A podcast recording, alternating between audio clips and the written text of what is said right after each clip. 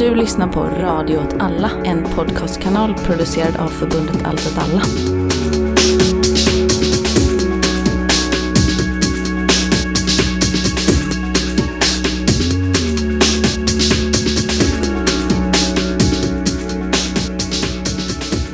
Du lyssnar på Radio Talla, rekreation med mig, Kalle och Mig Martin.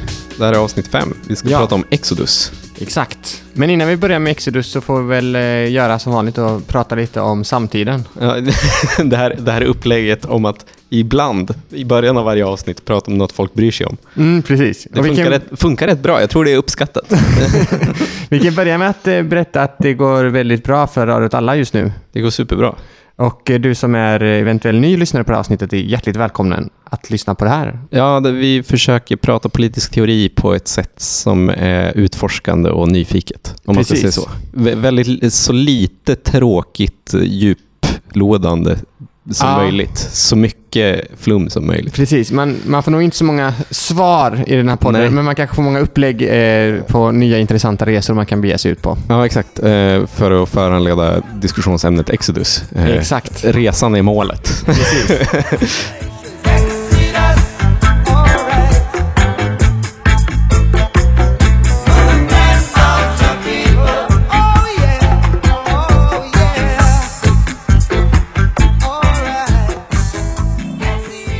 Eh, och utöver det så eh, pågår det ju krig i Europa. Ja, det är väldigt trist. Det är väldigt trist. Eh, det, det har ju också utmanat ens, eh, ens eh, eh, övertygelse om att vi lever i en, en annan värld än kalla krigets värld. Om Ja. man säger så. För det första kan man säga att man känner sig aldrig så liten som när olika nationer hotar med kärnvapenkrig. Ja, nej. Och när de gör det lite slentrianmässigt. Mm. Och man känner sig aldrig heller så bedrövad som när man ser högern och delar av vänstern försöka analysera situationen. Mm. Och, liksom, eh, eh, och att man inte kan försöka se den som den är. Alltså eh, ett fruktansvärt krig där det dör folk Exakt. och folk tvingas fly. Utan att man istället måste ställa upp det som ett tankeexperiment. Liksom. Ja, Eh, och, Precis. Alltså så, och då menar jag, alltså så, folk i vår värld har ju, har ju rageat mycket om så tankis och liksom Mm. anti-impare och sånt som, som eh, kom ut som jättekonstiga putinister Mm. eh, på ett så väldigt oklart sätt. Men det, det, det tror inte jag. Jag tycker inte att det är ett så, stort, stor, så stor grej, för det rör sig om en så liten, litet segment. Liksom. Men däremot den här eh, överhängande känslan av att, att man bara kastar ur sig olika tankar och åsikter eh, utan att ta konsekvenserna för det. Typ Ja. att hela europeiska högern har samlat sig kring att de nu typ vill ha kärnvapenkrig. Mm. Och att ingen bara är så, stopp, vänta här nu. Vänta här nu. ja. Och, och, när, när man, och när man då säger det, så ursäkta, men det, det är fan, det är lite, det är lite crazy. Mm. Då är de så, du, nu är du apologet. För, för, för, för du eh, ber om ursäktar det här eh, principiella brottet som är det Ryssland har gjort. Vilket är sant. Liksom. Ja. Att det är inte okej att bara bomba sönder ett land på feeling. Alltså det är inte, det är Nej. inte okej. Nej. Men, men, men, eh, men det faktum att de gör det betyder inte att jag tycker att vi borde liksom eskalera i all oändlighet. Liksom. Nej. Eh, men men det, tror, det tror inte jag heller är det som håller på att hända. Men Nej. däremot att det finns ett segment i samhället som är så en mediaelit som bara säger sådana saker utan att ta konsekvenserna av det. Ja. Det tycker jag är konstigt. Man märker också i en svensk kontext att det här är liksom högerns försök att försöka vinna valet eh, 2022 genom att försöka få det handla om Ja. NATO-frågan. Ja. Man märker ju också på något sätt, det, det är ju alltid helt meningslöst vad olika proffstyckare tycker Mm. i frågor. Men det är som att den tykonomin liksom blev som mest värdelös av det här. Eller det blev så osynliggjort. Att det är så, du kan tycka att det ska vara no-fly zone i Ukraina. Ingen, ingen ansvarig för det vill det. I, det. Det är en helt idiotisk grej. Ja. Men du tycker det. Och du, står, och du bara säger att du tycker det för att det principiellt är det viktigt att göra det. Bara för att du har bestämt att du tycker det. Precis. Men också alla de som har tyckt till fast från andra hållet som måste, som inte bara kan säga den här invasionen är fel, utan Mm. måste också bara den här invasionen är fel, men NATO Ja. byggde en bas 92. Ja. Eh, det är också man lite trött på. ja, generellt sett så är man väl trött på att folk ska rationalisera så himla mycket. Mm. Istället för att återigen bara se situationen som den är. Mm. Liksom. Och jag tror att om man ska försöka förstå situationen som den är, så tror inte jag att vi är på väg in i en eh, kalla kriget situation med två liksom fasta block som delar upp världen mellan sig. För ett tydligt tecken till exempel är ju att, att Kina inte alls ställer sig så kraftfullt på Rysslands sida Nej. som man skulle kunna tänka sig. Och att Venezuela nu håller på att groomas av Joe Biden. Eh, så det, eh, och sen också att eh, det, det ryska invasionen, visst det, det, det är en imperialistisk ambition, Mm. men det är också ett så här dödfött projekt. Liksom. Det är de, Ja. det är som ryska... Afghanistan. Ja, precis. Men Fast det som, inte det ryska Afghanistan som hände på 80-talet. Utan Nej, precis. Men det som om man ser på tidigare så ryska interventionskrig under 2000-talet som ändå varit några stycken nu. Typ Mm. Andra Tjetjenienkriget, Georgien 2008 och nu det här då. Och sen Syrien, en liten sväng i Syrien där. Mm. Så har det liksom, det, det det producerar är ju mer bara så här ingenmansstater. Ja. Det, det känns ju mer som att det ryska kriget är liksom ett sånt fåfängt försök av den ryska regimen att försöka få en, s- en plats vid, ett, eh, vid de vuxnas bord. Liksom. Men, men det, finns ju, det finns ju en krets som ändå eh, existerar relativt i vår närhet med det här Endnotes-gänget. ja. eh, Som pratar mycket om destituerande makt. Mm. Ja, och att, att den enda, alltså sam, hegemonierna är över. Det Mm. går inte längre att, att, att liksom kon, kontrollera samhället på det sättet. Eller så staten har ingen kapacitet att kontrollera världen. Nej. Och då har de mycket pratat om så typ gula västarna och sådana saker. Mm. Eh, jag undrar, för de, de är ändå bra på det här med att snappa upp någonting eh, som är konstigt och dåligt och, tyck, och sen bara välja att tycka att det är bra. Eh, typ, typ så covid-protester av olika slag. jag undrar om de kommer ha någon som Ryssland är en destituerande kraft i världen. Jag tror, Nej, för, det, men- för det är ju verkligen, Ja, de är verkligen. verkligen. Men, men också att man, jag tror man måste förstå också att oavsett om så här Rysslands imperialistiska försök att liksom bli ett imperium igen, vilket är en omöjlighet i, eftersom det inte går att skapa en hegemoni längre, en världsekonomi, Mm. utanför liksom imperiets ramar. Mm. Eh, för det finns ingen utsida längre. Nej. Eh, det betyder inte heller att, att, situation, det betyder att situationen är ännu mer farlig egentligen, för då betyder det att kriget helt saknar det man kan, om krig någonsin har det, men någon form av rationalitet. Mm. Så det innebär ju också att, det, att Rysslands liksom, beteende kommer vara oerhört våldsamt och irrationellt för att Mm. det handlar liksom om en överlevnad för den ryska regimen. Mm. Eh, och, och det gör ju situationen mycket mer läskig än om man Ja. tänkte att det skulle bli ett nytt kallt krig. Ja, för då hade man behövt bry sig om image på ett annat sätt. Liksom. Hade man, för, om, man, om man försöker införliva nationer i någon typ av fungerande sfär, där, Mm. där Ukraina skulle vara, till exempel sk- skulle vara liksom en, en produktiv yta som gjorde, alltså så, som inte bara var där för att erövra, utan var där för att erövra och sen liksom införliva på något Mm. sätt. Eh, då, då skulle man ju också bry sig om hur man uppfattades. Ja, Men om, precis. om kriget istället är helt irrationellt och är liksom en, en sista suck för liksom en, ett, ett segment i det ryska samhället som liksom är eh, som trånar till fornstora dagar. Liksom. Precis. Då, då, då är det ju mycket mer skrämmande. Liksom. Mm. Exakt. Men eh, också en annan eh, idé som man har fått av det här kriget är också hur, hur liksom postpolitiskt det är på något sätt. Mm. För alla som tillhör någon form av så här politisk ytterkant i väst kan gilla Ryssland. För de, Ja. de anspelar liksom på både antifascism, eh, antisemitism, genom att vara mot globalism och dekadensen i väst. Ja, liksom. de får med sig både så här, de kan både få med sig så här gammelkommunister, nazister, men eh, också att de nu, för det var ju tidigt så här i i konspirationskretsar att man börjar prata om att, att Ryssland gjorde det här för att bomba biologiska labb. Biolabs. Biolabs. 90 American la- biolabs. Precis, och nu pumpar liksom ryska så här, Ja. eh, informationssidor, deras officiella informationssidor, om att det finns amerikanska Alltså, biolabs i ja, ja. Ukraina. Alltså, så amer- de, de kan verkligen liksom, det finns liksom ingen ideologi, utan det är Ja. bara allt som är eh, i the fringe, Ja. utkanten av samhällets politiska diskussioner i väst kan liksom ställa sig Ja. bakom På- ryska aggressionen. Och, och inte för att vara, eh, relativisera allt för mycket, så kan man ju också säga att motsidan, alltså att älska NATO, det är den symboliska frågan som återigen är nästan 100% symbolisk. för, för 90% av alla som har åsikten jag älskar NATO så är det skitjävla samma Ja. att de gör det.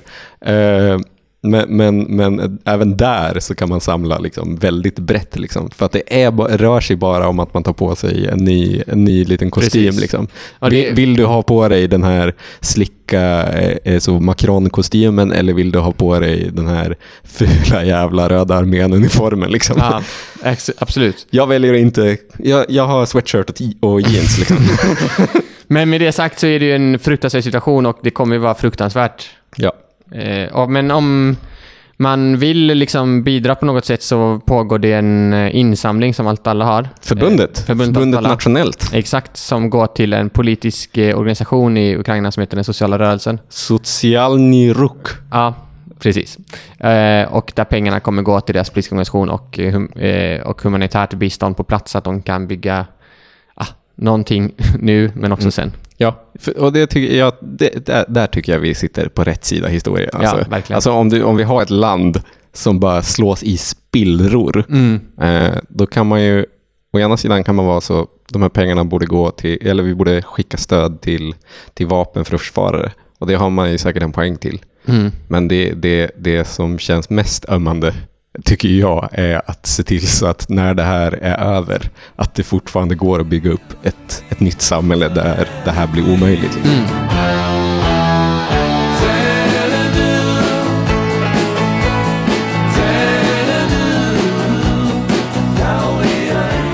Det var, vi, vi hade ju tänkt prata om Exodus och sen blev det en flyktingvåg. Så då blev det bara ännu mer passande. Ja, precis. Eh, och eh, i dagens avsnitt har vi också en intervju med Keir Milburn som är eh, väldigt aktiv i, på Novara Media som är en engelsk alternativ, vänsteralternativ mediasida. Har varit en stor inspiration för Radio Talla. Ja, de har en podd som heter ACFM, ACFM. Acid Communism FM. Mm, jättebra podd. Men han är också en sån eh, gestalt i vänstern i England. Han har liksom varit med i alla vänsterorganisationer sedan slutet av 80-talet till idag Mm. och hängt med på alla svängarna. Mm. Eh, Han har beskrivits som Englands Mattias Våg. ja, jo, det är väl en ganska bra beskrivning. Eh, och han eh, har vi intervjuat och då, kom, eh, då har vi ett tema där, där vi försökte få ihop just Exodus och ett, eh, någonting han arbetar väldigt praktiskt med som heter PCP. Public Common Partnership. Exakt. På svenska offentlig gemensam samverkan. Ja, och det är det med intervjun mycket kretsar kring, men också lite kring Exodus. So yeah, public common partnerships is the, the easiest way to understand them. They're just a reverse engineer of public-private partnerships, which is this big neoliberal uh, institutional form. The most well-known in the UK are, are, PFIs, private finance initiatives. They're a subset of public-private partnerships. And so lots of hospitals and schools in the UK have been built by these PFIs, these public-private partnerships, in which basically the, the state de-risks investment from the from the private sector. The, the, the public-private the, the the private finance initiative. There, there's been huge scandals around them, so they're, they're they're no longer legal in the UK, or they're, or they're no longer uh, undertaken because you know they're these ridiculous things where you buy it, build a school, um, the state is gonna the, the money comes from the private sector. The state um, uh, then pays that off over 40 years and um, the markups are huge so the private companies get these huge guaranteed like 40% profit rates and so forth. And by the there's lots of scandals about you know the schools are falling apart after five years you've got to pay for 40 years. Huge huge pressure on um, on public uh, public budgets. Um, yeah huge public pressure on public budgets. Um, huge lack of democracy because you basically you you can't actually get people to, to sort of service these schools they they charge huge rates to service the schools like like 500 pounds to replace a, a tap these sorts of these sorts of like extortionate um, you know it's, it's a real and, and so public private partnerships and these pfis are a real example of the of, of what some people have called rentier capitalism You know, this idea of, you know, you set things up and so you can extract a rent over a long, long time and you get to extract these huge rents basically. And so public common partnerships was the reverse engineer of that, you know, so it's a way of trying to, in, in some ways, it's a way of trying to use the tools of financialization against itself. And I'll get on to, into that a little bit, a little bit later on. Because the other thing about public private partnerships is they just cost they're just so so inefficient they cost huge amounts of money so why would you do them and they're this ex- real real prime example of like a neoliberal reform it's, it's a bit like the the um the introduction of student fees into universities in the uk a perfect reform where nobody benefits right? Students have to pay much more. Um, uh, university lecturers um, their, their terms and conditions and their wages uh, absolutely fall through the floor.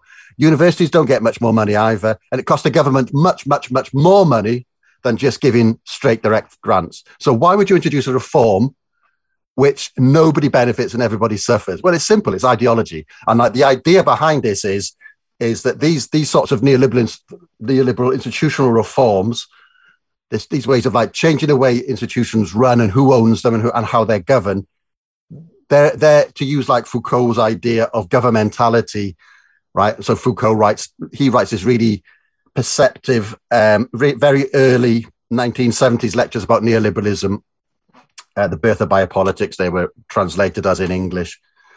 You know, and, and he says, look, you know, uh, we've got to think about governmentality, which is the, the, the, the manner or mentality in which uh, people are governed and like the way you are governed affects your mentality the way you see the world basically and so this is this so it's like you know you, this idea is that you're, you know, the, the neoliberal institutional reform is to, to, to is to sort of act as a kind of training. You're all of a sudden, instead of a citizen, you're a customer. You're customer or perhaps a service provider in a competitive market. So as an academic, you'd be a you'd be a you'd be a service provider in a in a competitive market, competitive with all of your peers.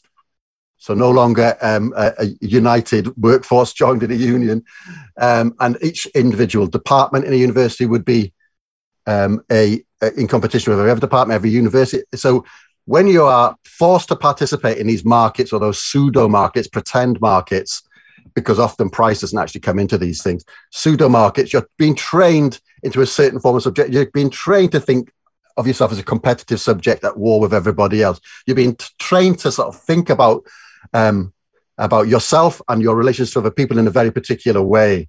And you know, it's that in so that's what Foucault says that constant training uh, basically comes to influence the way you see the world, even if it's not in your individual ideas. So my friend Jeremy Gilbert always likes to remind us that like like basically social democratic policies are basically being what the public wants since the 19 well since the 1950s all the way through to now they can never get them but like that's basically what they want and all of this training's never affected that but it, it, it works on a more micro level of the way you you know more micro and insidious level basically because it it breaks up the, the possibilities of collectivities.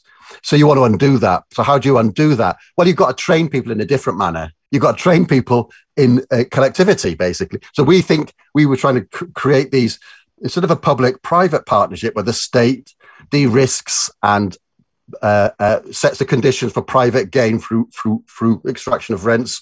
Is public common partnerships so that the state sets the conditions or, or a public body sets the conditions or tries to facilitate the development of the common sector the cooperative sector depending on how you want to see this what people talk about it in different in, in, in different parts of the economy people talk about that in different ways commons uh, cooperatives etc etc so yeah, so it's like you know that we were trying to design something where we said, how can we get, get the commons or the cooperative sector to expand really rapidly, and how can you design the institutional structures of the commons uh, uh, of the of the commons so that they act really specifically as a form of training in democracy, training in how do you democratically participate as part of a collective collectivity.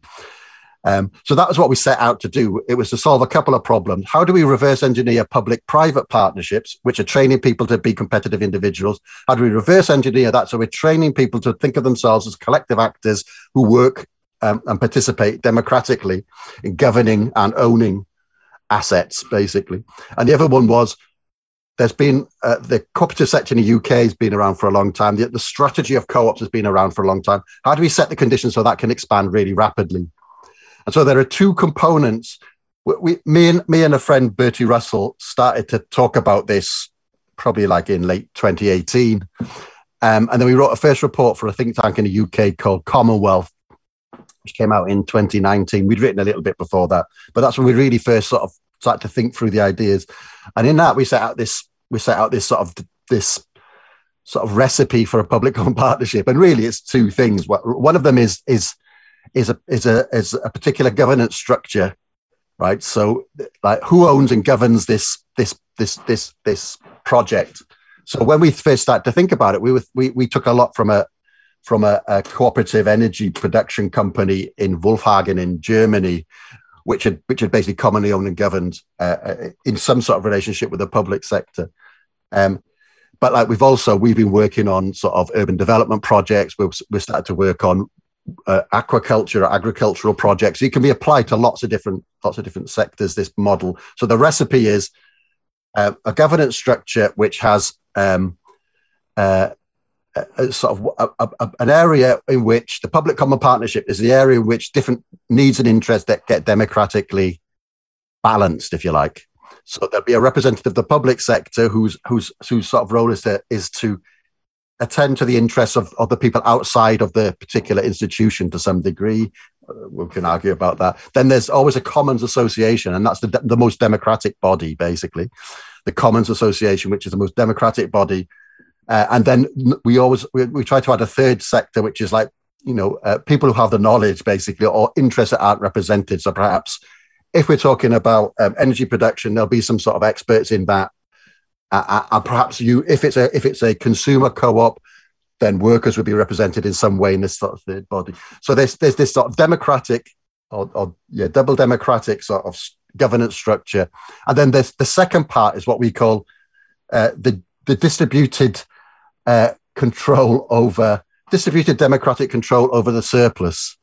So like so basically what happens is if that PCP creates a surplus above its operating costs, that surplus goes to the Commons Association, and they have to use that to try to capitalize or to start a new public common partnership. And then that new public common partner, when it when it produces a surplus, has to has to donate a portion of its thing to, to set up a new public common partnership. And so we're trying to capture, we call it the self-expansive dynamic of the commons to mirror or to fight the self-expansive dynamic of capital, because that's what capital is. You invest capital in order to create a surplus, but that surplus doesn't go, well, in, in, in, in the ideal model of capitalism, it doesn't go to build pyramids, for instance, which is where surpluses used to go in in the in, in ancient Egypt or something, right? It doesn't do that. It goes to you know you you create a surplus in order to take that that that surplus and invest it in more capital. So capital expands. It's a self-expansive dynamic of capital. So, you know, so we have to reverse engineer that and try to create a self-expansive dynamic of the commons and those two things to those two those bits which is like the democratic control and ownership of the of the of this asset or and then the, the, the distributed democratic control of the surplus, the two recipes in the sort of abstract uh, idea of a public common partnership.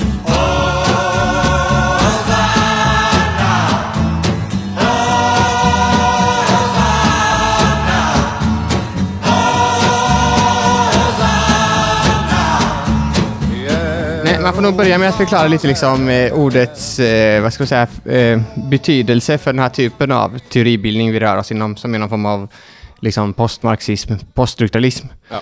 Och Exodus är ju taget från Bibeln, Andra Moseboken, som handlar om liksom... Flykten från Egypten. Exakt, där Moses tar med sig eh, de av judisk tro i Egypten mm. och flyr från faraon. Vad va roligt att ha ett lite PK-språk kring judarnas flykt från Egypten. ja. De av judisk Ja, men jag, jag var inte där. nej, nej, du kan inte. Och då eh, så eh, får Moses Gud att eh, skicka en massa farsoter mot faraon, typ gräshoppor. Sju farsoter, exakt. Ja, precis. Och det alla förstfödda tror jag dör. Ja. Det är eh, riktigt bullfarsoter. Ja, det är verkligen så. Är det här okej? Okay? men... Idag hade det här varit ett krigsbrott. ja, precis. Ja, men Moses, det var en annan tid. Moses med Guds hjälp då genomför en rad krigsbrott mot faraon.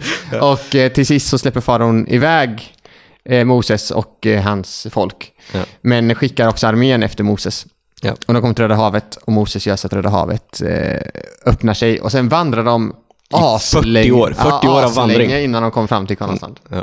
De tar en jävla omväg. Ja, jag har varit i Kanans land. Men om- man kan ju se Egypten därifrån. Ja, precis. Om man går, om också om man går över havet Ja. så borde det ju gå snabbare än 40 år. ja, det är ju fågelvägen. Ja, han, men det- han tar ju fågelvägen. Mm, men det här är ju liksom den klassiska flykten. Mm. Och inom den här teoribildningen så diskuterar mycket i den här podden typ någon form av liksom poststrukturalistisk marxism med italiensk marxism och lite annan sån marxism. Ja. Eller olika abastader av marxism. En riktigt god buffe. Eh, Ja, precis. Där är liksom... Eh, eh, det här är ett ganska centralt begrepp Mm. för att förstå... Dels för att förstå kanske vissa historiska skeenden, men också för att förstå eh, hur man idag kan skapa ett nytt samhälle i det samhället som finns. Mm. Så det är det som är de två linjerna kan man säga. Mm. Och anledningen till varför man intresserade sig för liksom Exodus eh, inom den här vaga traditionen är ju på något sätt att man, att man har, uppfattar att man har suttit fast i den marxistiska dialektiken. Liksom. Mm. Så, så motsättningarna liksom. Eh, att man, eh, för, för så Italien 60-tal, eh, massiv strejkvåg, man vinner jättemycket. Eh, och, och det är en typisk liksom, negation. Mm. Alltså arbetarklassen som går samman och, och lägger ner sina verktyg. Det är att den negerar liksom, eh, den kapitalistiska ackumulationsprocessen. Mm. Eh, men det bara slås ner. Så då, då, och liksom kapitalismen omkonfigureras eh, utifrån det och globalisering och så vidare. Så, så i, i, i, med det i baktanke så kan man ju förstå den här viljan till att ta ett steg iväg ifrån liksom, negationen Mm. till någonting som är positivt. Precis, och man kan ju förstå det då som på olika nivåer, Mm. tänker jag, Exodus. Alltså dels kan man förstå det som eh, en inneboende tendens i det vi har pratat om tidigare, som den biopolitiska produktionen. Alltså att hela samhället är en producerande, inte en enhet, men Nej. alla som är i samhället är en del av kapitalismen på något sätt och producerar Mm. värde. Och eftersom kapitalismen har kommit till en fas där det inte själv längre eh, producerar utan bara inhägnar det gemensamma, eller Mm. en övergripande tendens till det. Det är fortfarande väldigt många som har ett arbete på en fabrik, globalt sett. Så. Eh, så innebär det, eh, så är liksom, då finns det alltid en inneboende tendens att göra eh, den sociala reproduktionen, men också produktionen på ett annorlunda sätt som ett brott med kapitalismen. Och det är det man också kan kalla exodus. Mm. För om kapitalismen bara är parasitär, då är det enda som krävs för att eh, skapa någonting annat är ju att klippa bandet. Precis. Men sen kan man ju också se flykten som en naturlig, eh, liksom, eh, na- naturligt svar på exploatering och förtryck historiskt då, som den här Moses-berättelsen. Det är ett ganska så, bra exempel. Men eh, Paolo Virno som skrev eh, en text som heter On Exodus eh, tar upp hur liksom Marx beskrev han hade, Marx hade problem att greppa den amerikanska kapitalismen. För han tänkte, varför händer inte mer balla grejer här? Mm. Och då menar, ju, då menar ju människor efter Marx att det berodde ju på att det, det, det finns en stor skillnad mellan nybyggarländerna i Amerika, södra, södra Amerika och norra Amerika mot Europa. Där de här länderna var frontier countries, alltså gränsländer.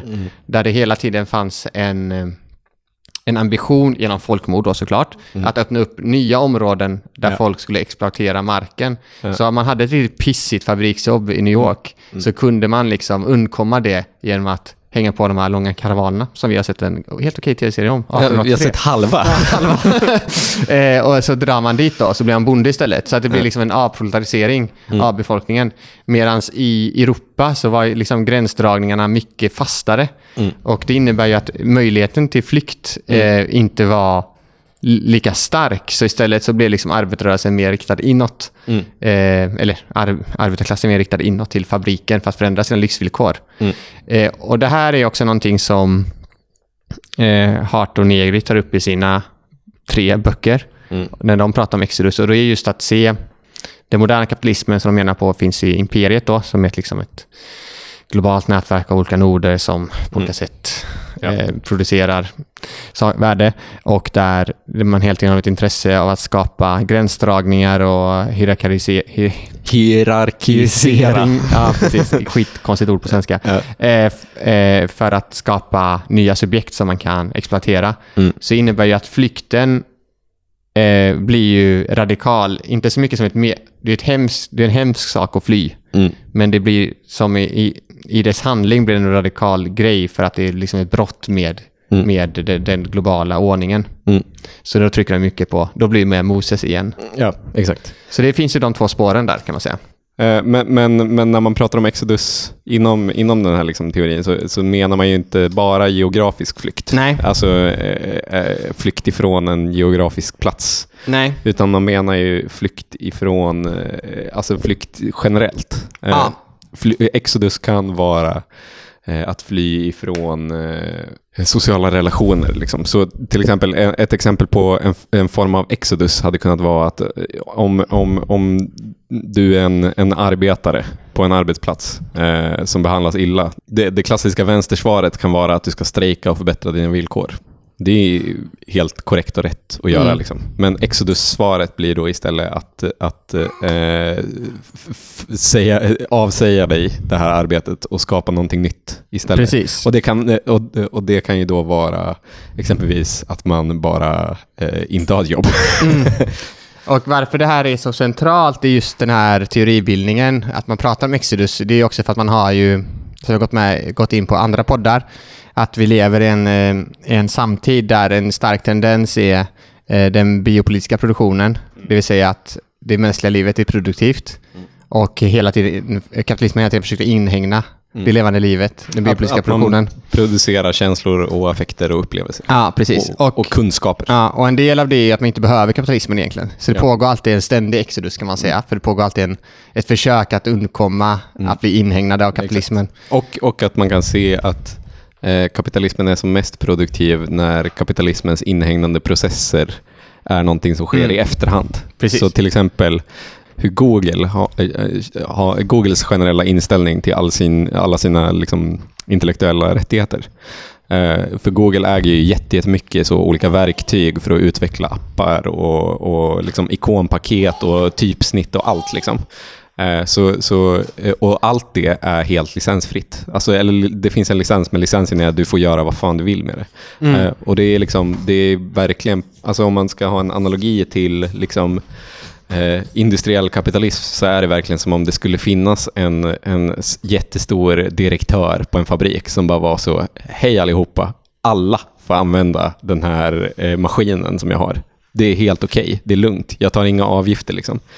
Och, och, och för att på något sätt så är det mer lönsamt för Google i egenskap av liksom plattformsägare att liksom släppa den här kreativiteten och produktiva kapaciteten fri och, va, och låta den agera autonomt än att liksom inhägna i första skedet. Liksom verktygen är inte det som är till för att inhägnas utan det är liksom, eh, det som produceras som ständigt inhägnas. Och det, det kan jag tycka är alltså, en bra en bra liksom, liknelse för att förstå liksom, kapitalismens parasitära karaktär i, i vår era. Att, att det, den, den, absolut, den, det, den besitter massa resurser, men de resurserna som den besitter, alltså verktygen, liksom, är helt fria att använda. Men det är liksom det som skapas med de här verktygen är det som vi sedan inhägnas. Alltså vi, vi avläggs större och större avgifter för att använda saker som vi behöver i vår vardag. Men de verktygen för att skapa saker, det är helt lugnt. Det får vem som helst ta. Ja, precis. Adobe, ett till exempel, Adobe till exempel har uttryckligen sagt att vi jagar inte pirater. Nej. Alltså det är de som gör alla verktyg som alla designers i hela världen jobbar med hela tiden. De, och, och för dem så är det mer värt att folk använder dem och liksom, eh, eh, blir vana vid dem och utnyttjar dem och utbildar sig och blir bättre. Eh, än att de ska betala massa avgifter hela tiden. Men den andra delen av varför det är så viktigt med Exodus i den här teoribildningen handlar ju också om att eh, kapitalismen har gått från ett, ett fordistiskt produktionssätt, det vill säga med fabriken i centrum, eh, tar utifrån den franska filosofen Michel Foucault, pratar om disciplinsamhället, det vill säga att man eh, har ett samhälle som internaliserar en disciplin i människor och har disciplinmekanismer. Hans klassiska exempel är ju från fängelset med det här. Som heter Torn i mitten av fängelsegården. Där alla där alla kan se, eh, där, där man från tornet kan se alla fångar, men fångarna kan inte se tornet. Så man, har, man vet aldrig om fångvakten tittar på en, men man har alltid en känsla att man kan bli tittad på. Så då Ehm. blir man liksom självdisciplinerad. Precis. Men när, när kapitalismen har gått från skede till att liksom om, omsluka alla livets sfärer så har man också gått från ett disciplinsamhälle till ett kontrollsamhälle. Vilket gör att ehm, istället för sa- sabotage som var den vanliga metoden under disciplinsamhället, liksom, att man saboterar fabriken för att un- undvika arbete, så blir flykt den naturliga delen eh, i kontrollsamhället. Att man försöker undkomma. Liksom. Ja. Och just om, du, om det är så att man upptäcker att till exempel man inte är beroende av kapitalismen för att kunna vara en produktiv, en produktiv person, liksom, eller produktiv sammansättning människor.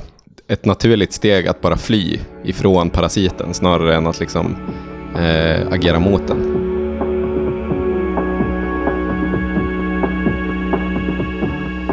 to be serious, you know, these, these, sorts of strategies, you know, they're they they were the sort of strategies that were suggested in the 1970s. You know, to go on a big big sort of meta level, you know, you have, you know, in the 1970s there was a big general crisis of like the post-war regime, Keynesianism, etc., etc. You know, from my perspective, that was a crisis to some degree, but because because um, the social democracy had had had um, not removed but diminished the threat of destitution basically or the link between needing to work or being destitute and on the streets. That had been uh, diminished to a large degree uh, in certain parts of the world obviously sweden and the uk um, uh, and, and and and that basically meant that um, people asked for more.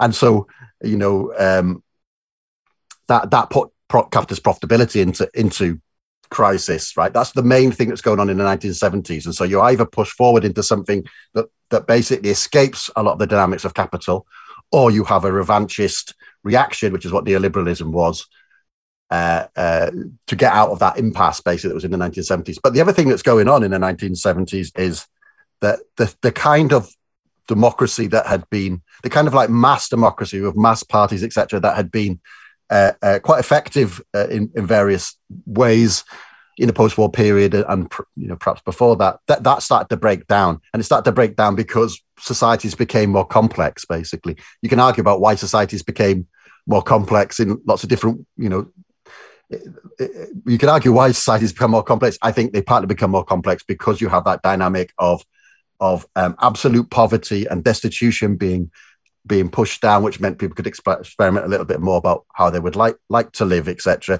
Other people say, "Oh, it's to do with you know mass consumption and all these sorts of things." And if only we could get back to the world of the 1950s, you know, before these feminists and gays and lesbians started demanding rights, then we could get back to the strength of the working class. I'm obviously not on that, that side, but like in the 1970s, there were different strategies put on the left. One of those strategies was let's let's get rid of these sort of new social movements and try to retain the strength of the of the organized working class. And the other one was no, look, that form of mass democracy, um, you know, basically it needs supplementing with with more direct democracy, right? And and like economic democracy.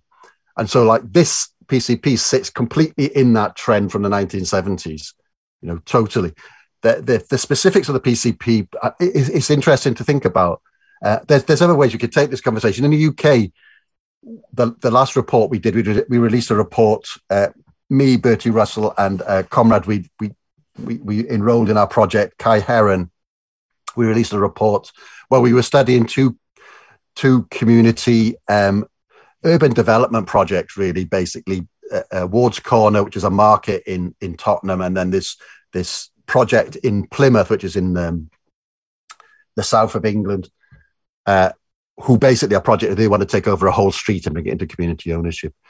Um, and so we've been in this sort of area of like community development, community ownership and develop. And it's a very strange field because at the minute, the Conservative Party, there's a wing of the Conservative Party who are very much into this model. They call it community powered conservatism.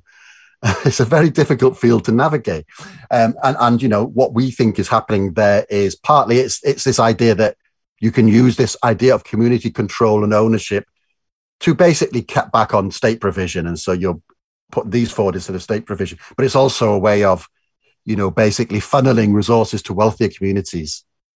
Because if there are state there are state resources available, but you don't deal with the inequalities within communities or between communities, well, it's those more well-resourced and richer communities who have the time and the capacities to ex- to access those those funds, basically. So it's a it's, it's this difficult it's a difficult problem. Yeah, I mean, so so when we when we do this distributed democratic control of surplus, where one PCP goes to to to, to capitalize another one, we're initially thinking of that as chains of PCPs, and we're thinking what you would do, what, what you would choose to do in a, in a PCP, was to go up your value chain, if you know what I mean. So the person, you know, but perhaps if you're if you're a, a workers' co-op, you'd want to try to capitalize something one of your suppliers or something like that because then you get a nice firm you know better control over of your environment when when we're talking about these urban development projects, they're wanting to capitalize new projects in their area, at least initially. But in our minds, that's one stage of establishing these this this PCP chains. The next is to establish a PCP network. So it's a whole network of control, and that would so that's the way it scales. It scales in a sort of proliferation strategy, basically. But of course, once you get to that level, you then need to create democratic coordination at that level, basically. Um, and so we think it does scale. It scales in a sort of bottom up proliferation way. But like I would say that like, you know, it is not a map or model for the whole world, basically. It's a strategy. It's a strategy, you know, to, to try to increase uh, the, the forces for left change, basically. Um, and that left change will not just be this proliferation strategy. There will be more antagonistic moments, um, and and some parts of you know some parts of uh, infrastructure, for instance, just make a lot more sense if they are state controlled. You know, such as um, railway lines, for instance. Just it just makes it makes sense. You know, the, the, the privatization of railways it just doesn't make any sense here. So just replacing that with co-op commons, it could be thought through, but it, from a starting position, it seems as though that would be just more more sensible to start with this with public provision.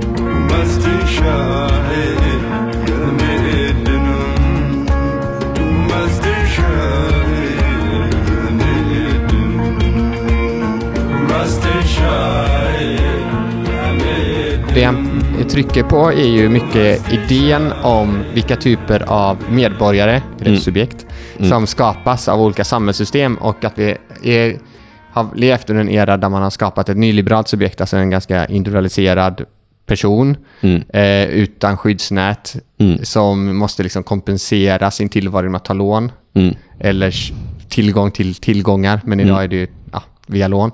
Eh, och att man måste som en radikal vänster skapa andra typer av processer för att skapa nya subjekt. Mm. Och det tycker jag, det var nog det jag blev så hypad på när vi intervjuade mm. honom, om du kommer ihåg. Ja, eh, och eh, jag tycker det var så snyggt just för att man, för att i en svensk kontext så när man pratar mycket om de här begreppen som han tar upp, typ governmentality från Michel Foucault, eh, så så är det alltid en kritisk syn. Att man typ, ja. ah, men hur styr nyliberalismen oss? Typ, så. Ja, Medan här kan man vända på det. Okej, men då har vi det här begreppet. Vi vet att liksom olika typer av styrmedel och strukturer gör att människor... Man kan skapa liksom en ny typ av människa som agerar mm. Mm. som något annat. Mm.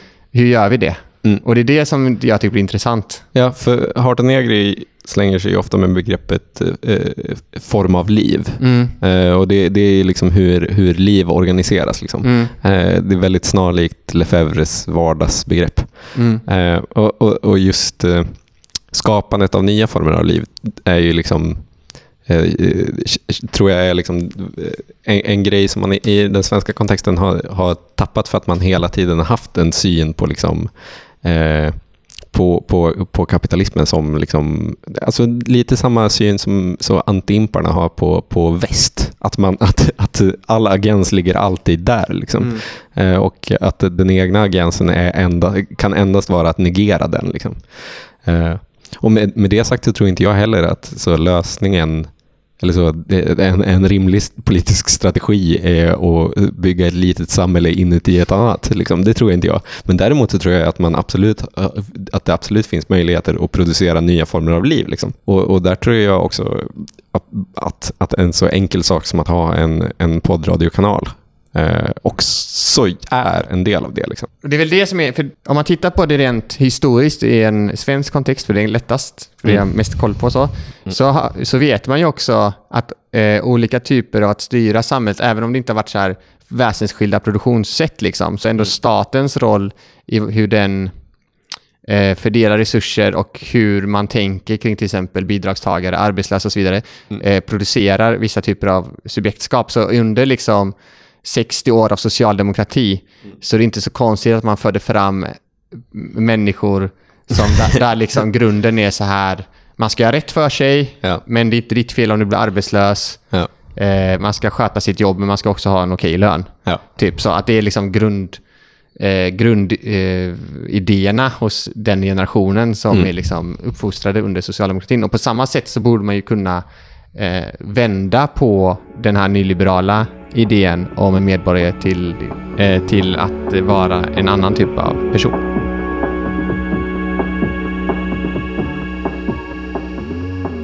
like if we start with the concept of exodus and work back to PCPs, it might make a little bit of sense, I think, because that that like yeah. So I'm not sure where you're coming from with the exodus, but like there's that Paulo Verno article about exodus, in which he's trying to deal with it. He's trying to say that the possibility of exodus as a as a as a strategy of survival in the US is the reason that there was no U- social democratic party formed in the US that that, that they formed the mediations in, mediated institutions in the class struggle failed to develop.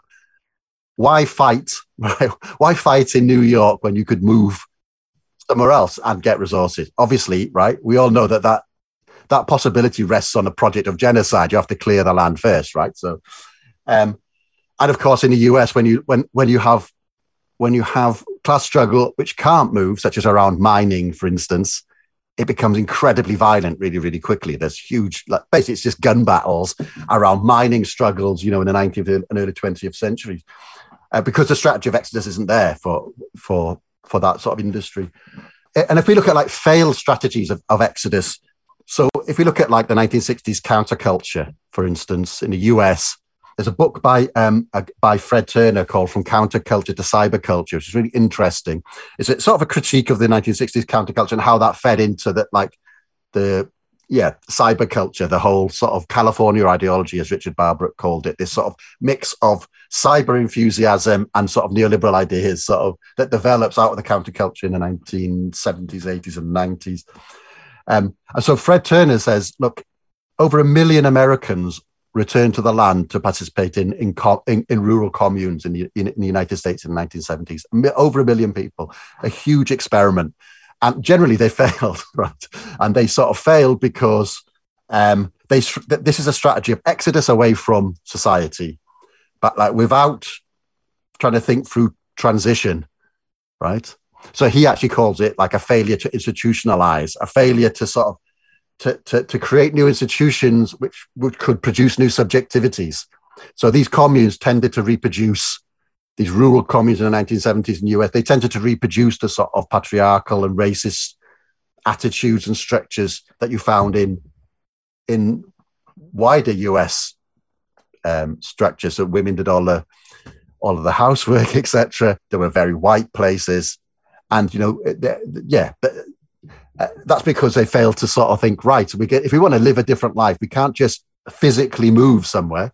You have to psychically move. I don't know if i'm if that's a great way of putting it but basically you have to transform. Like this there's lots of ways you can help try and think about that right? Foucault's argument around uh, governmentality is one idea. Some people in the UK have been trying to think through left governmentality, and I suppose PCPs fit into that. But like, there's a huge tradition of um, revolutionary thinking about revolutionary transition, right? And it goes back to well, probably before Lenin, but like Lenin has this whole thing about you know, well, we've got this problem. We're trying to set up these democratic institutions, but people have lived their whole life and in in in these, you know, just taking orders, etc. So they haven't got the capacities in order to be able to democrat. So there's this gap basically. And more generally, people talk about, you know, there's a paradox of democracy, which is what comes first, democratic institutions or democratic subjectivities, the type of subjectivities, the way of thinking, and the capacities to be able to democratically coordinate. In those institutions and those subjectivities, they sort of presuppose each other. So there's a paradox, which comes first, chicken and egg sort of thing. Um, you know, that th- these are the ways you have to sort of try to think through this problem And if you don't address those problems, your strategy of exodus just basically reproduces reproduces um, the, the, problems of society on a smaller scale, basically. So that's what that's that, that's one way in which you could think of PCPs in terms of exodus. It, you're trying to you're not trying to physically remove yourself from society, but you're trying to extract areas of social reproduction, right? Areas of life from the direct co- control of capital, right? And you might want to do that for all sorts of ways. One, that's a form of power, basically, right? You, know, but having some sort of autonomous or democratic control over the means of life, over social reproduction, right? That's some that that that allows you more room for maneuver, but it also makes possible it, it, it makes possible more successful antagonistic struggles. So one of the one of the concepts I was sort of working with pre the PCP stuff, in fact, one of the concepts both me and Bertie Russell were working with when we were in a, an organization called Plan C, we were working with this idea of the social strike. Um, and so this is an idea about um, how do you win, how do you win strikes, antagonistic struggles in contemporary society.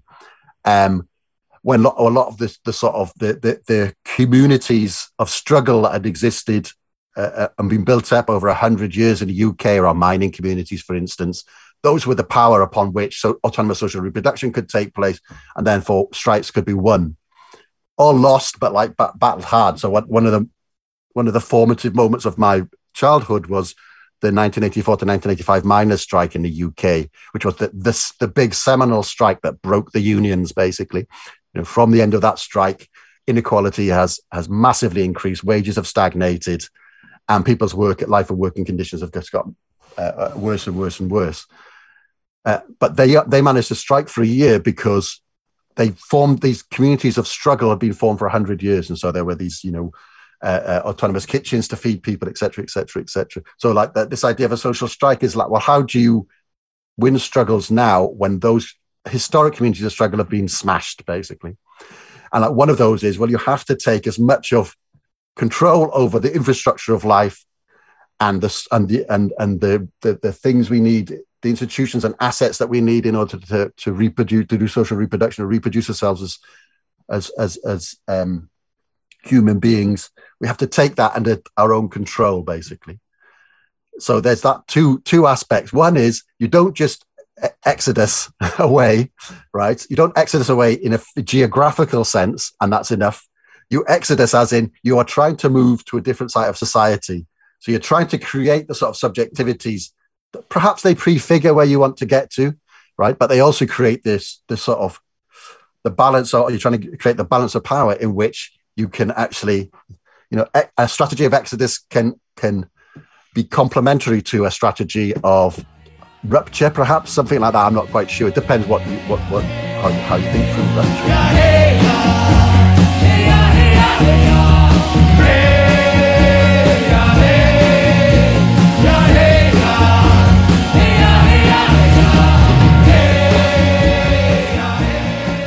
Vi har ju lollat åt det, att, att Harta Negri alltid återkommer till eh, medborgarlön mm. som, som sitt uh, stora, stora förslag i världen hela tiden. Mm. De skriver jättelånga böcker som är supersvåra och sen i sista kapitlet så ska de förklara vad, vad de tycker att man ska göra och då tycker de global medborgarlön och ett globalt medborgarskap. Och båda de tror jag går att koppla till just Exodus mm. väldigt lätt. Alltså med, det blir också på något sätt en representation för de här två linjerna som du pratar om. Mm. Alltså där det globala medborgarskapet blir ganska självklart. Att, att, det, att det, det handlar ju om att eh, riva ner alla de liksom, eh, gränser som finns. Liksom. Eller en del av dem. Liksom. Eh, och det andra är eh, att frigöra människan från liksom, arbetets ok. Mm. för, för liksom, Eh, om, man, om man har en klassisk marxistisk förståelse av eh, hur, hur, man eh, eh, ska agera eh, som vänsterkraft eller som arbetarklass, liksom, så är det att man ska negera arbetet. Liksom. Eh, man ska sätta ner sina verktyg och så ska man liksom gå i strejk. Eh, Medan det här ex exodusen, flykten från arbetet, istället är det centrala för Harton Negri. Och då är det alltså att alla bara ska få skitmycket pengar som de kan göra vad de vill med liksom, och ha bara oändligt med fritid, bara rekreation. Liksom. Och det, och det, men det, man kan tänka det här på olika skalnivåer. Man kan tänka det på liksom en nationell nivå där, mm. eller en lokal nivå mm. som ändå de här public common partnerships rör sig på. Det handlar om, liksom, om gator i England, någon Mm. medicinfabrik i Frankrike. Någon fransk medicinfabrik. Ja, precis. Och det är ganska lokala så här, eh, eh, uttryck. Men samtidigt så om man har erfarenhet av liksom, politisk verksamhet eh, där man kan skapa en, eh, en identitet och också ett inflytande över en verksamhet så skapar ju Mm. också det liksom en större benägenhet och en större vilja att liksom förändra samhället. Mm. För jag tänker att det är väl det som blir på något sätt utmaningen här om man inte bara ska återgå till någon form av härlig socialdemokrati för 2020-talet. så finns det ju att man måste, man måste skapa man måste skapa en rörelser och politiska liksom, reformer som syftar till att skapa typ någon form av nomadisk person. Mm. Eh, för att inte fastna i den här gamla liksom, idén eh, av, om socialism till exempel, eller socialdemokrati. Utan man måste ju försöka skapa det här, liksom, det här vilda, den här vilden som vill liksom, lämna samhället, som vill bryta alla, alla eh, barriärer och som vill hoppa på första bästa flyktlinje liksom, härifrån. Mm, exakt. Men jag, jag, jag såg ju nyligen Matrix 4. Mm. Jag tyckte den var fantastisk. Fo- Folk, folk snackar skit om den. Men jag, jag tänker att det är för att de inte förstod. För, för det som var så ball med Matrix 4 var att det var så jävla mycket Exodus i Matrix 4. Eh, eh, an, andra Matrix, jag kommer eventuellt spoila slutet, men jag tror inte det spelar någon som helst roll. Eh, men, men i andra Matrix så är det ju väldigt mycket att man, eh, att man ska liksom träda in i det här systemet, det här kybersystemet liksom och, eh, och eh, ta sönder det inifrån. Liksom. Mm. Medan i i Matrix 4, då, då å ena sidan så har människorna liksom i verkligheten har liksom flytt och skapat en ny verklighet. Delvis tillsammans med robotar som de slutit fred med. Så redan där har vi liksom ett steg ifrån negationen. Liksom. Eh, och de har börjat odla och grejer. Eh, Ball. Eh, Men, men även i själva Matrix, även där så rör det sig om Exodus. För då, det slutar liksom med att, att hjältarna i filmen eh, liksom hånar Matrix-arkitekten och är så, vi kommer göra askul grejer här, vi ska göra det här till en ballplats. Wow, ni är beroende av oss, men vi kan göra vad fan vi vill. och, och, och, så det är liksom, jag älskade det. Eh, en, en annan bra Exodus-film, det, är- det är Lego-filmen. Det kan jag också varmt rekommendera. Det här blev bara kallas filmtipshörna. Men Lego-filmen är också great, för det, det, det handlar bara om, om eh, eh, eh, en ond byråkrat som försöker inhägna hur folk bygger saker. Medan eh, alla, alla skojiga legogubbar, de älskar bara att bygga och de vill bara bygga eh, för kul. Liksom. Men så tvingas de bygga stora eh, blockhus. Liksom. Och, och, och, och, och sen slutar det med att den kreativa kapaciteten bara övervinner och de, de lyckas bygga en ny värld. Ja, det var typ alla Harton Egers böcker. Ja. Le- Lego-filmen ja. Lego-filmen. ja. Men det är, det är väl det som är lite mm, poängen också med eh, Moses flykt, för att återgå till den. Och för att återgå till alla de här Exodus-projekten, men också liksom att det är ju en inneboende antagonism också. Att det, Ja. med, som han tar upp i intervjun här med PCP, att det måste vara de, för att inte det bara ska bli liksom gottiga medelklassöar i ett hav av misär, Bostadsrättsföreningar till Precis. exempel. Så, så måste ju... Eh, så, vill de, så, så menar de på att man måste skriva in i varje sånt här projekt att överskottet ska gå till att starta nya PCPs. Liksom. På det sättet ackumulera det gemensamma, ackumulera den här typen av sätt att, att eh, förvalta det gemensamma. Och, det, och det är ju en antagonism, liksom, för det betyder ju att i förlängningen kommer det ju trycka ut äganderätten, den priva, privata äganderätten. Och samma sak då med, med Moses, där, att han var ju tvungen att, att döda den egyptiska armén där i, i havet. Och en, ett antal egyptiska förstfödda barn. Då. Eh, och, men, Alla. Alla.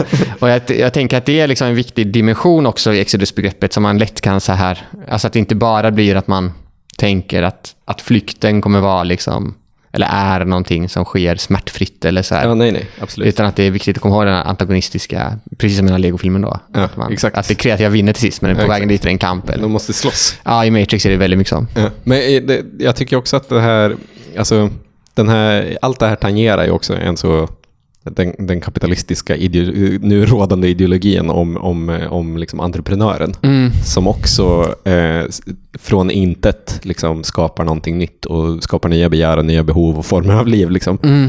eh, med sitt individuella geni. Liksom.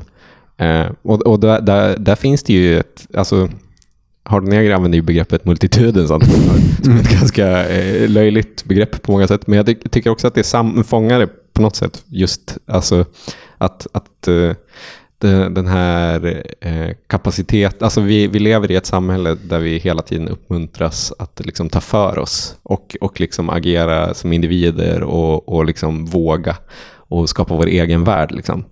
Eh, men, men de enda som faktiskt gör det är ju, är ju den här typen av projekt. Alltså så mm, commons-projekt liksom. Mm. För att, för att, så att Voi är, Voi är inte banbrytande i, i vilken form av liv det skapar, liksom, utan tvärtom, det är en regression. Liksom. Mm. Eh, så, så, så jag, jag tror ju också att alltså så, i den, i den liksom nu rådande ideologin liksom, som alla barn lär sig i skolan, att de ska bli entreprenörer. Liksom, att, man, eh, eh, att där formas det också en människa eh, som absolut, den är nyliberal, men jag tror också att den är väldigt kapabel till att producera liksom, nya former av liv. Jag, jag tror att eh, dagens ungdom är väldigt, väldigt bra på det. Mm. Det ser man ju också, alltså, så, folk brukar snacka om att så, subkulturerna är döda. Liksom. Eh, men om du går in på TikTok så, alltså det, barnen idag, eh, de skapar ju parallella världar. Liksom. Eh, det är ett väldigt flytande subjekt liksom, Mm. som också hela tiden producerar nya gemenskaper. Mm. Och det tror inte jag att sådana som du och jag är kapabla till. För vi, vi är liksom skolade i den gamla typen av kapitalism på många sätt. De här youthsen, de är bara 100% entreprenörhjärna. Liksom. Men det är väl också det som gör så att youthsen, barnen, de här 12-åringarna på TikTok, att de också, alltså i sin, i sin vilja att bryta på något sätt med kapitalismen och hitta nya sätt att vara på, också gå vilse. Just för att de... De har inget partiprogram. Nej, nej, utan mer så här att, att man ser liksom till exempel internet 3, Ja. Bitcoins, Webb 3, ja. webb 3 bitcoins som, som ett sätt att liksom, eller det lanseras som ett sätt att bryta med eh, penningpolitik. Ja. Men egentligen är det bara ett sätt att först ta sig ut för att sen knacka på dörren för att ta sig in igen. Snälla släpp in oss Det igen enda sättet att tjäna pengar på bitcoins är att man säljer dem till, till någon annan till någon större annan. idiot. Liksom. Ja, det är något som jättekomplext pyramidspel. Med, liksom. Ja. Men det är väl ett sätt för den generationen att hantera kapitalismen, liksom. Ja. fast genom det här entreprenella. Ja. Jo, absolut. Men, men min, min poäng är kanske snar, är inte så mycket att, att youths of today är, är superbra kommunister, utan snarare kanske att det, det, ligger, det ligger inneboende den här viljan till flykt. De liksom. är mer nomader än... De är mycket mer nomader än vi. Liksom. mm, Och det är coolt. Men, Det är coolt. men man önskar ju... men de behöver ett partiprogram. Nej, men de behöver inte ett partiprogram. Men, men jag, jag tror ju också att man genom att bygga sådana här projekt som Kim Milburn snackar om också, Mm. också kan liksom styra den skutan lite. För jag tycker jag, alltså jag tror ju ändå att vi lever i den bästa tiden som någonsin funnits. Det är jag ändå övertygad om. Jag tror att folk idag är bättre än de någonsin varit. Mm. Eh, Det är bara att själva tiden jobbar emot oss. ja, exakt. eh, men ja, det, det är en spännande tid. Jag, jag Mm. tror ju också att sådana här PCP-projekt har framtiden för sig ganska mycket. För att som vi snackade om i förra avsnittet eller förra, förra jag minns inte, eh, så, så har ju just den här uppluckringen av liksom vad staten är till för, Mm. har ju också möjliggjort för eh, andra aktörer att börja ta mer plats. Mm. Alltså, ett jätteroligt exempel på eh, ett liksom offentligt gemensamt samverkanprojekt i, Sver- i Sverige och i Malmö är ju liksom eh, kollektivhuset som MKB äger. Eh, där liksom, eh, de boende har så direkt inflytande i vad som försiggår i huset. De har liksom en lägenhet som de kan göra vad de vill med, som de ibland har varit så, jag vill inte kasta någon under bussen, men jag vet ju att ibland har det bara fått bo papperslösa där. Mm. Det huset ägs av staten. alltså, alltså det är så märkligt, men jag, jag, jag tror också att man, att den, eh, den liksom lösheten, den liksom borttvinande stelbentheten hos staten är också positiv på många sätt. Mm, absolut. Eh, Det är väl där, när man pratar om att fylla liksom luckor där staten inte finns, så är det snarare sådana luckor man ska leta Mm. efter en soppkök. Ja, alltså soppa har alla. Ja, Ingen vill ha soppa. nej. Nej, jag har för mycket soppa.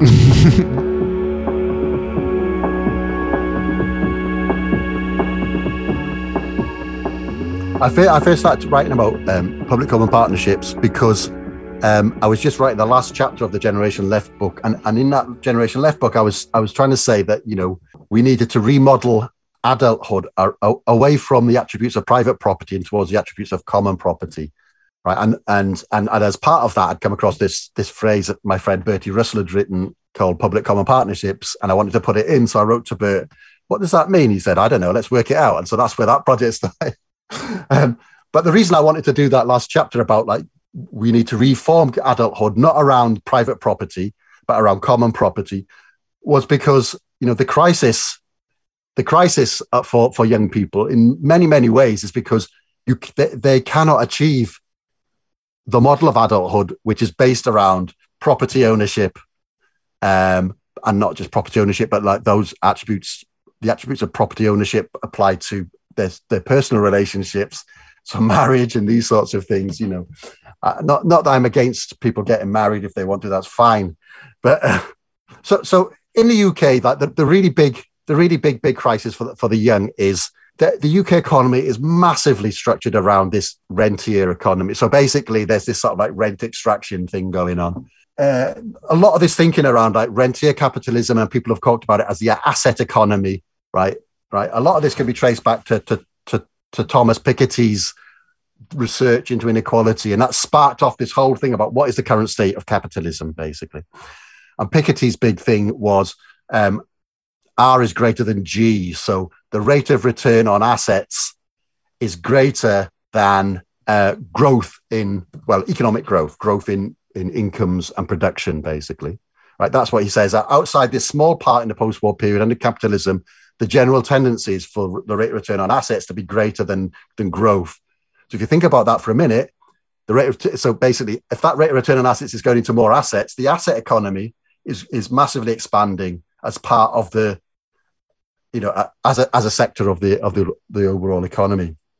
And so Piketty has all these lines saying, you know, basically um, that means that like you know sweating or extracting rents from existing assets becomes much more profitable than creating new assets. So, like this sweating, owning things and extracting a rent from it starts to dominate what we think of as classic capitalist production, where you're investing something, you hire workers, you produce something, and then, you know, so and so there's lots of lots of implications of that. I.e., you tend that tends to be a stagnant form of capitalism, you know, a stagnating form of capitalism. And in fact, you will see that, you know, the rates of growth have shrunk and shrunk and shrunk, etc. Incomes have shrunk massively apart from rent extractions.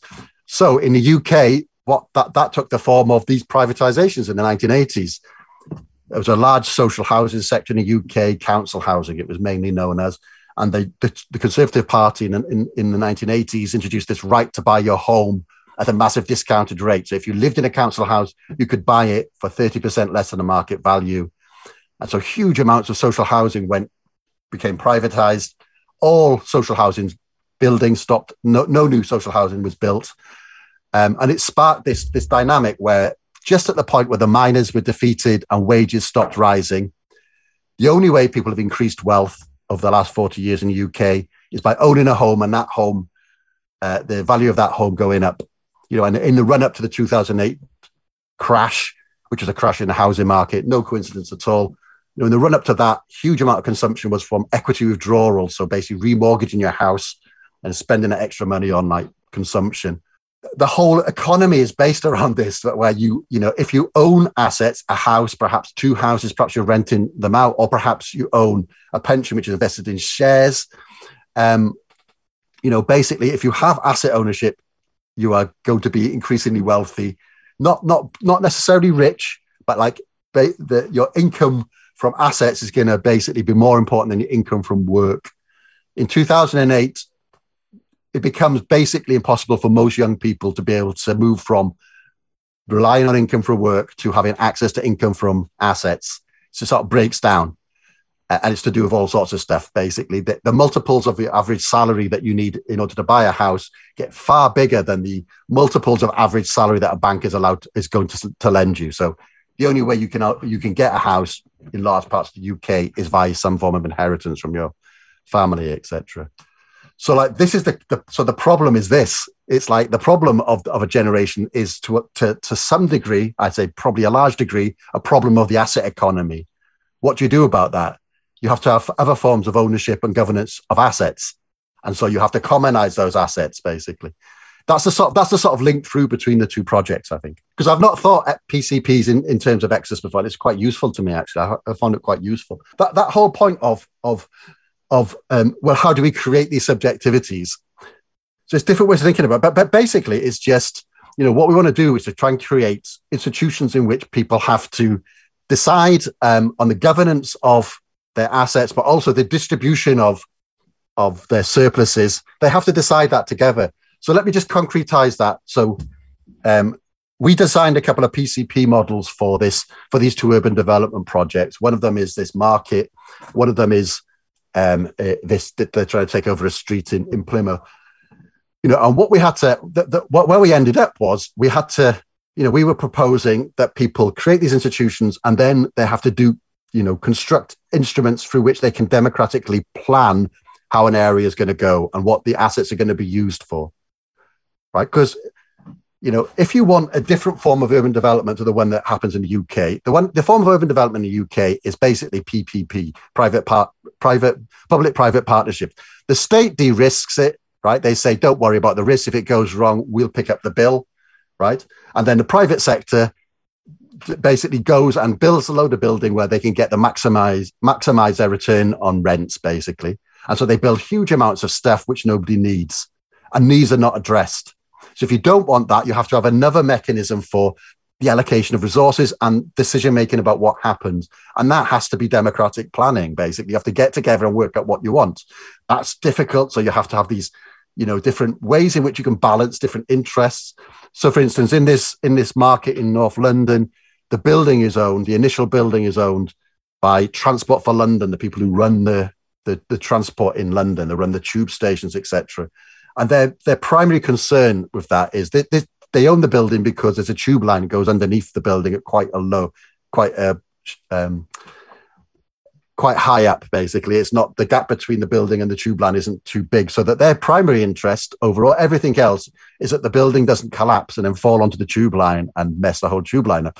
So we designed a golden share sort of uh, uh idea where they have some sort of extra power, perhaps even a veto over what over infrastructural work that takes place in the building. But they have no say at all about what happens in the market because that's not of their concern. That's for the Market Traders Association, and they don't have a say on on the way that the Commons Association decide that they want to put their surplus in. So that the idea was that the surplus would then go into from the from the from this market. And you know the financial planning has been all done from this market. So we know you know we can there'll be 20 million pounds by year four or something like that to, to be able to put into perhaps establishing a, a nursery etc we don't know that because that would have to be democratically discussed and decided. You know there are different there's only a few different ways in which you can do economic decision making one of them is to is to follow sort of like financial imperatives and we know what you get basically.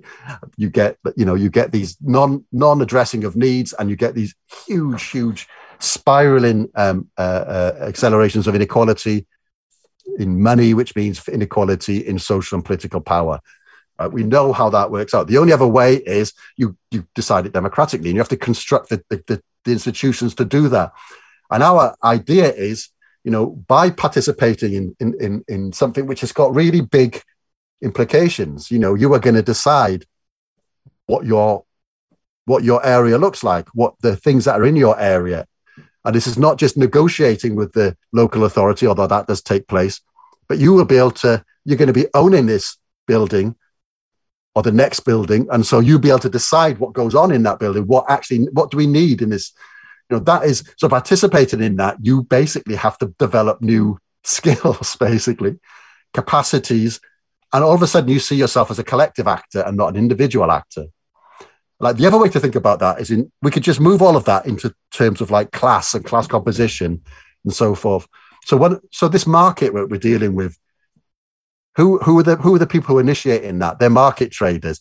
The classic petty bourgeoisie people who are like individualized, the classic sort of source for fascism, in fact, the petty bourgeoisie. And so, like, what do you do about that? Because when when when when the petty when Marx was talking about the petty bourgeoisie, this is a tiny part of society.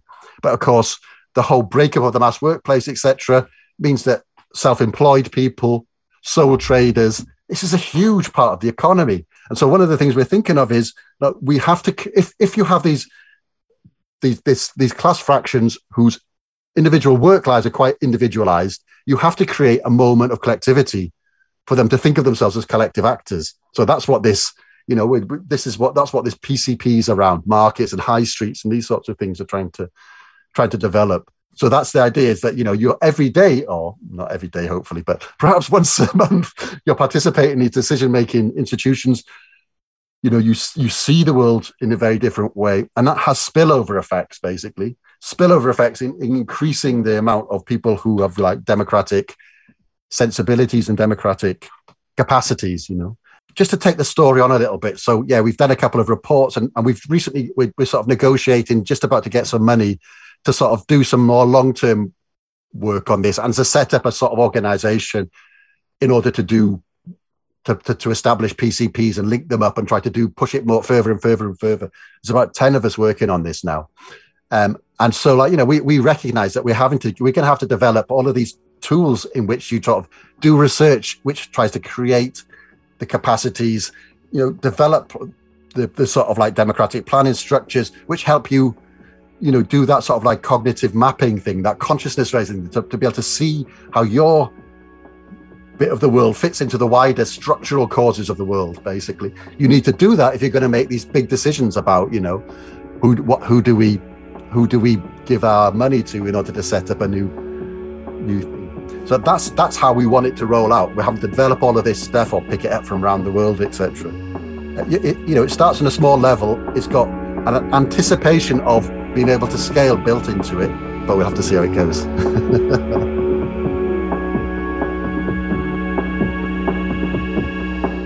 Nästa avsnitt eh, så fortsätter vi den här eh, resan in i det okända. Ja, eh, och då kom, Precis, och då kommer vi prata mer om det gemensamma, gemensamma och allmänningar. Ja. Och då kommer vi förhoppningsvis ha med oss en person som, jag tror, ja, som vi kommer presentera då. Men ja. jag tror det kommer bli jättebra. Ja. Vi har ju pratat ganska lite om allmänningar. Ja. Konstigt lite i relation till hur mycket vi brukar prata om. Mm. Men det är för att vi har sparat oss. Jag tänker att någon annan får göra en sån tolkningspodd av vår podd. Mm. Där de försöker hitta en linje i det vi säger. Ja, som, som bygger på att det är någon som känner oss båda. och därför kan vara så, ja men det här, jag har hört honom en gång berätta det här på ett mindre tokigt sätt. Precis. Det är ju, det, ja, det är inte våra mest klara tankar. Nej. För vi brukar spela in sent på kvällen också. Ja. För att ditt barn behöver sova. Ja, ja. precis. Men eh, det blir jättebra. Ja, en annan grej. Ja. Jag, jag ska skapa en offentlig Spotify-spellista med mm. musik. Kul. Kanske länka den i beskrivningen. Men jag kanske glömmer det. Mm. Och då kommer då man kommer påminna dig. Ja, men då kanske man hittar den på min Twitter. Mm. Och återigen så vill jag göra reklam för den här insamlingen som Förbundet Allt Alla har till eh, den sociala rörelsen. Social Neruk. Exakt, jag kommer aldrig kunna säga det. Nej. Och också att... Eh, jag kan inte säga det, vill jag också föra till protokollet. Inom eh, ja, en ganska snar framtid så kommer det komma eh, ett antal bra texter om kriget i Ukraina. På Svärm? Ja. ja.